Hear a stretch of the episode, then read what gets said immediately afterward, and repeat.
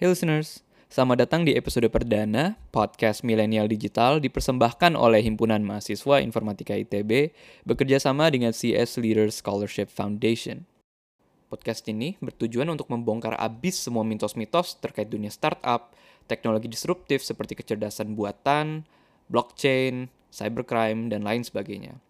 Serta di beberapa episode, kami juga akan mengundang para ahli, entrepreneur, dan juga pemimpin di industri untuk sharing pengalaman dan pengetahuan mereka. Nama gue Garda dan gue akan ikut serta dalam perjalanan ini yang akan hadir di Spotify setiap minggu. Gak sabar buat belajar? Let's start the show.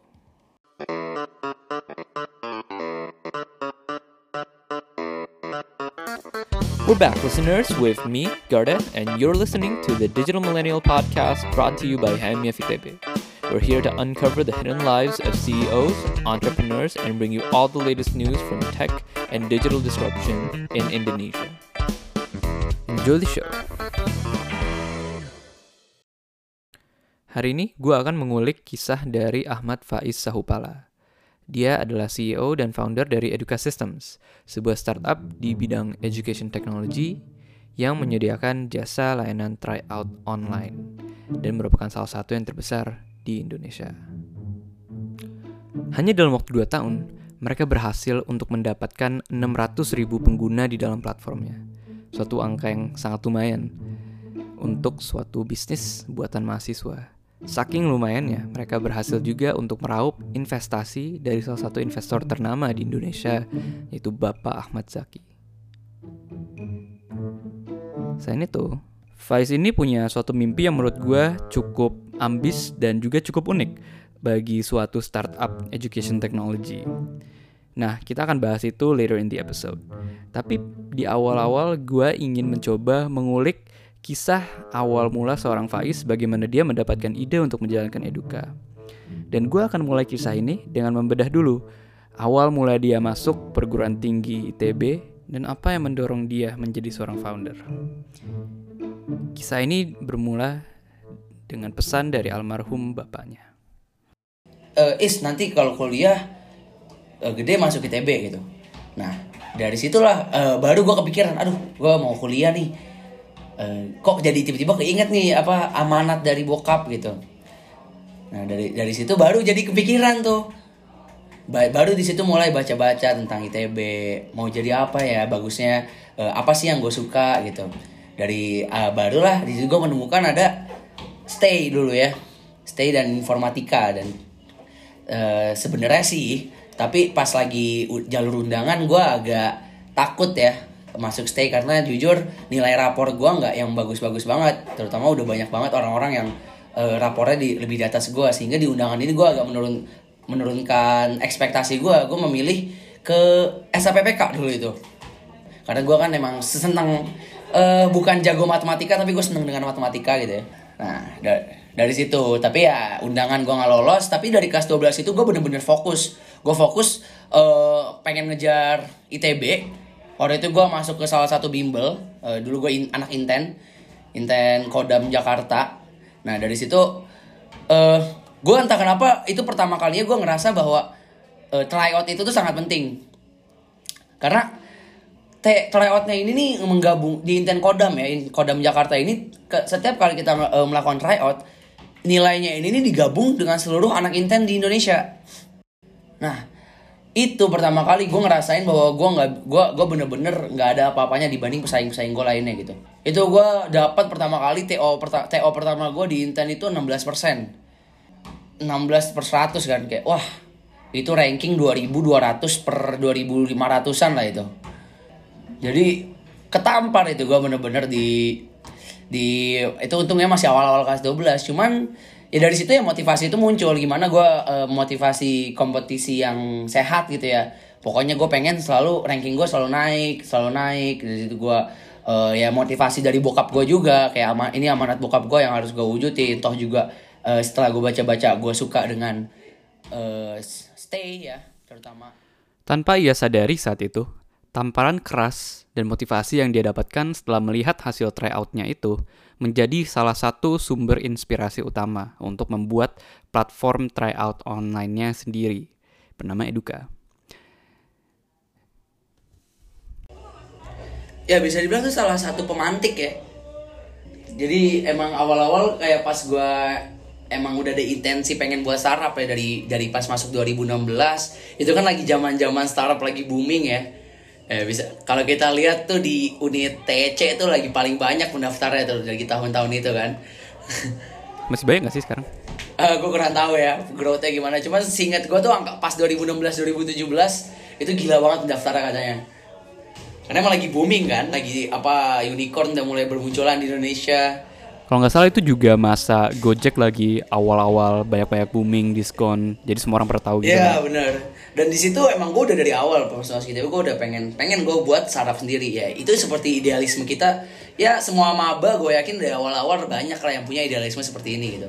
Oke, menarik. Berarti lo tuh memang udah dari maba punya idealisme dan keambisan untuk mau bikin startup atau bisnis lo sendiri kan ya. Dan kalau nggak salah ya, kalau misalnya gua ingat-ingat lagi, kayak dulu sempat lu pernah cerita juga kan, awal mula lu ketemu Eduka gimana, itu emang dari lomba kan ya, lomba-lomba yang diadain sama ITB gitu, dan salah satu ide yang lo ajukan di lomba itu kebetulan ide untuk Eduka saat ini. Ya bener banget. Kita dulu ikut PKM pertama kali Eduka itu. Jadi pas gue tingkat tingkat dua sebenarnya kita ikut PKM dan di situ sebenarnya ide Eduka pas gue ikutin PKM itu bukan ide Eduka yang sekarang. ini yang, yang menarik banget ini. Jadi eh, dulu ya intinya adalah ya eh, ide lain yang ternyata eh, kita bawa di PKM dan gagal di di PKM juga dan di tingkat dua itu juga kita ikut ikutin ke PMW. PMW ini Pekan Wirausaha Mahasiswa ITB. Nah, dari situ kita lolos tuh PMW, dapat pendanaan dan dananya ini cair ketika gue kenaikan dari ya tingkat dua ke tingkat tiga lah pas gue lagi nge-ospek kalian tuh. Nah, dari situ da- dana tuh cair tuh. Jadi lu bayangin aja satu tahun tuh selama gue tingkat dua, eduka itu tuh hanya hanya ide doang tanpa ada eksekusi. Ketika dananya cair, ada uang, di situ baru kita merasa bertanggung jawab. Jadi emang ini ide-ide-ide lo, ide-ide lomba. Jadi kita emang awalnya belum belum kepikiran panjang gitu ya. Emang niatnya dilombain dulu PKM atau lolos. Weh, udah lolos nih kita dapat pendanaan 10 juta waktu itu PMW. Modal kita dapat. Nih kita harus tanggung jawab dong sama duit yang udah kita minta gitu ibaratnya kan. Di situ kita baru mulai serius. Nah, dari situlah baru eh, Eduka ini kita apa seriusin dah makanya Eh, kita lahir kan pas gue ini masih tingkat 3 ya 2018 eh quarter 3 lah quarter 3 2018 Eduka ini lahir launching pertama kali Gua penasaran buat tahu lebih tentang ide yang lu ajuin dan gak jadi lu lanjutin sebagai eduka deh. Itu sebenarnya ide apa sih? Dan apa yang membuat lu memutuskan untuk pivot dari ide lu tersebut tadi? karena inti intinya sih poinnya adalah itu udah jelek idenya jadi eh karena satu resort itu perlu resource yang sangat besar dan kedua juga ba- eh, udah banyak kompetitornya udah banyak sehingga itu udah jadi red ocean gitu Apa itu Red Ocean? Mungkin buat apa pemirsa yang belum tahu. Oke, Red Ocean tuh bisa dibilang kayak eh, environment atau lingkungan di mana ide kita tuh udah banyak sebenarnya yang mirip gitu. Sehingga kompetisinya tuh bakal berperangnya sama banyak pihak gitu, banyak orang. Eh, lawan katanya tuh Blue Ocean. Blue Ocean ini nih ibaratnya lautan yang tenang gitu ya. Jadi ibaratnya ketika lu datang ke lautan tersebut dengan ide lu sendiri ya, lu tenang aja nggak banyak yang nggak banyak yang ngelawan lu lah gitu. Dan sebenarnya kalau dari gue itu kesang- keputusan yang sangat sulit awal-awal ya kita melakukan pivoting. Karena eh jujur menurut gue ini sangat sulit untuk semua orang yang awal-awal membuat startup. Ketika lu berkata bahwa ide lu itu tuh jelek gitu.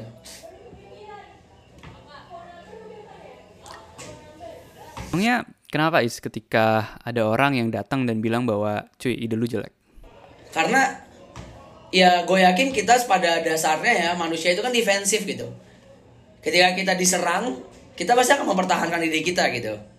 Nah itu yang susah. Gimana kita bisa sadar bahwa ide lu tuh udah jelek sekarang gitu.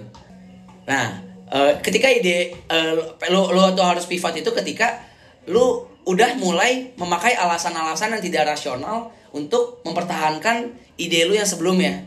Jadi gimana nih caranya untuk kita identify um, mana ini alasan yang rasional mana yang enggak?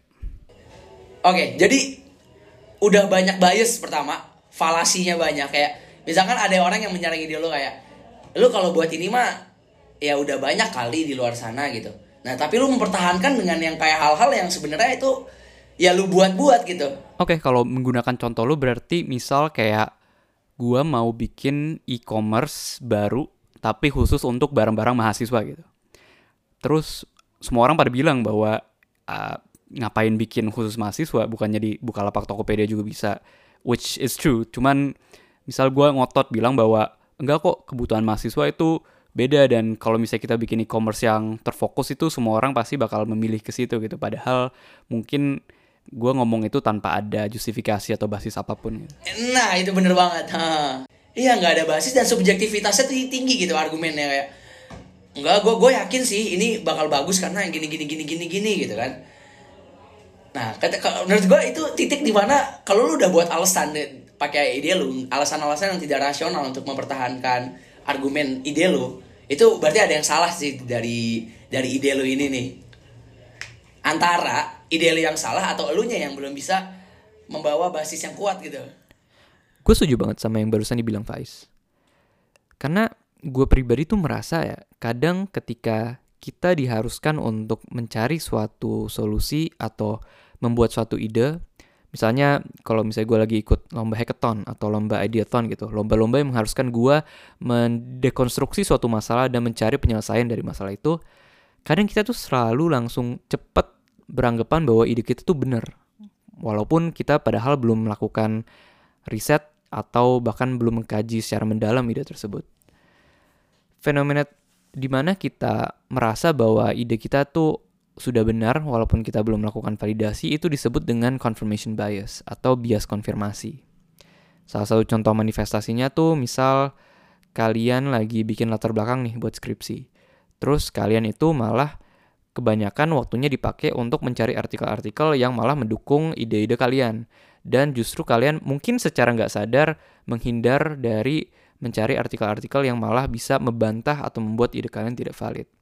Dan menurut aku uh, bias konfirmasi ini adalah sesuatu hal yang harus kita terus-terus lawan dan ini adalah hal yang wajar juga untuk kita alami. Nah, Gimana cara untuk melawan bias konfirmasi? Ada banyak. Bisa dengan melakukan market research, bisa dengan kalian melakukan survei, dan bahkan tanpa harus tahu banyak teori-teori yang mendalam. Sebenarnya intinya sih adalah untuk mencari perspektif sebanyak mungkin dari berbagai macam sudut pandang dan berbagai macam orang. Dan menurut aku ini nggak cuman applicable untuk orang-orang yang mau bikin bisnis atau yang mau bikin ide, tapi ini juga sangat berguna sih dalam kehidupan sehari-hari. At least itu yang aku rasa. Nah, sekarang katakanlah kalian sudah melakukan validasi terhadap ide kalian. Salah satu masalah yang akan kalian hadapi, terutama kalau kalian mahasiswa, adalah gimana cara supaya ide kalian itu terrealisasi. Dan gimana caranya supaya kalian bisa komit dalam mewujudkan ide tersebut dan menjadikannya suatu bisnis. Coba kita dengar perspektif dari Faiz. Oke. Sebenarnya kalau dari gue pribadi, gue merasa gue tidak terlalu mengalami kesusahan untuk buat komitmen gue di Eduka. Karena uh, pribadi gue ini dari awal emang gue bukan tipe gue udah menstat diri gue bahwa kalau gue gue itu bukan tipe orang yang eh, bisa cemerlang di akademik gitu. Dari TPB gue udah ngeliat kayak ini lingkungan gue di di TB ini anak-anaknya gila jago-jago banget jenis-jenis banget itu. Kalau gue pengen berkompetisi dengan mereka di bidang akademik gue sadar diri gue bahwa uh, peng uh, mohon maaf mungkin dia agak terkesan jadi uh, pesimistis ya. Cuman gue melihat kayak kalau gue uh, belajar benar-benar belajar terus menerus di bagian satu hal yang ngejar akademik di sini gue bakal kalah gitu. Gue nggak bakal punya edit value diri gue sendiri gitu Nah, oleh karena itu di situ gue baru memutuskan bahwa gue ini harus menjadi orang yang punya uniqueness gitu. Dan uniqueness gue bukan akademik. Dan tapi gue nggak pernah menyalahkan orang yang pengen punya uniqueness akademik gitu. karena mereka nggak salah juga gitu itu sih yang ngebuat gue komit kayak ya gue berarti gue harus apa gue dulu jadi mahasiswa lomba gue mencoba menjadi mahasiswa lomba biar apakah gue bisa menjadi orang yang eh, terkenal dan orang tahu gue karena gue apa eh, sering menang lomba atau gue menjadi mahasiswa proyekan gitu oh berarti orang ketika mendengar nama Faiz itu tuh apa sih yang dipikiran dia gitu nah karena gue tahu gue nggak bakal orang nggak bakal mikir gue bahwa oh Faiz yang IP-nya tinggi gitu nah di situ di situ sih kenapa gue bisa komit gitu Jadi, menurut Faiz, kunci dari komitmen adalah dengan mencari apa yang kalian mau jadikan keunikan dari diri kalian. Apakah kalian itu mau dikenang sebagai orang yang mendirikan startup kah?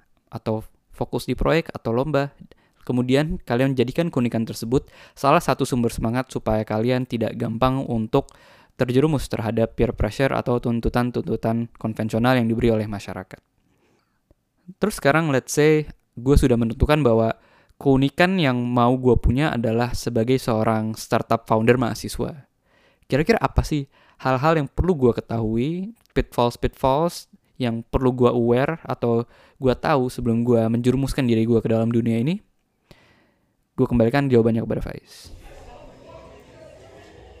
Oke, yang paling pertama ya menurut gua ketika kita building startup itu kita yakin sama ide kita. Itu yang paling susah sih. Karena ada loh di titik-titik di mana kayak kita tuh ragu sama ide kita gitu. Ini ide bener nggak ya kayak, duh eh, bisa besar nggak ya gitu.